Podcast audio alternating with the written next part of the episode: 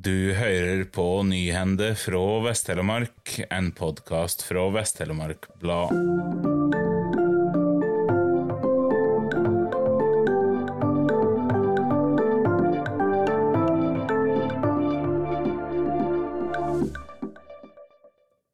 Fredag ble det klart at Tarjei Draugdal fra KrF blir ny ordfører i Kviteseid, og Stian Hauge, Senterpartiet, blir varaordfører. KrF og Arbeiderpartiet har hatt flere samtaler om samarbeid etter valget, men har ikke kommet til semje om hvem som skal ha ordførerrolla. Draugedal sier til VTB at han trodde de to partiene var enige torsdag, men at det likevel ikke blir noe samarbeid mellom KrF og Ap.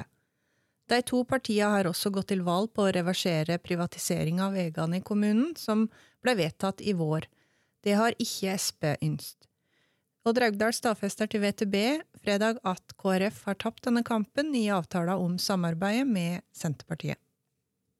I 2013 vedtok Seljord kommune reglement for når det norske flagget skal bli bruka. Fram til nå har det norske flagget blitt heisa på offentlige flaggstenger 1., 8., 17. mai og på valgdagen.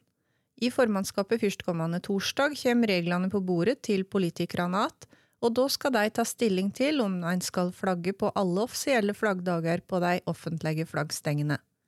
Fredag avgjorde styret ved rehabiliteringssenteret AIR at 34 år gamle Tarjei Urup Helle fra Vinje blir tilsatt som ny direktør fra 1. januar 2024, etter at Svein Kostveit går av med pensjon.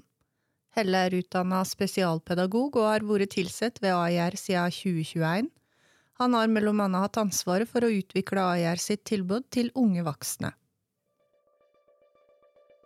Tusen takk for at du hørte på. Denne sendinga var produsert og presentert av Tone Tveit for Vest-Telemark Blad.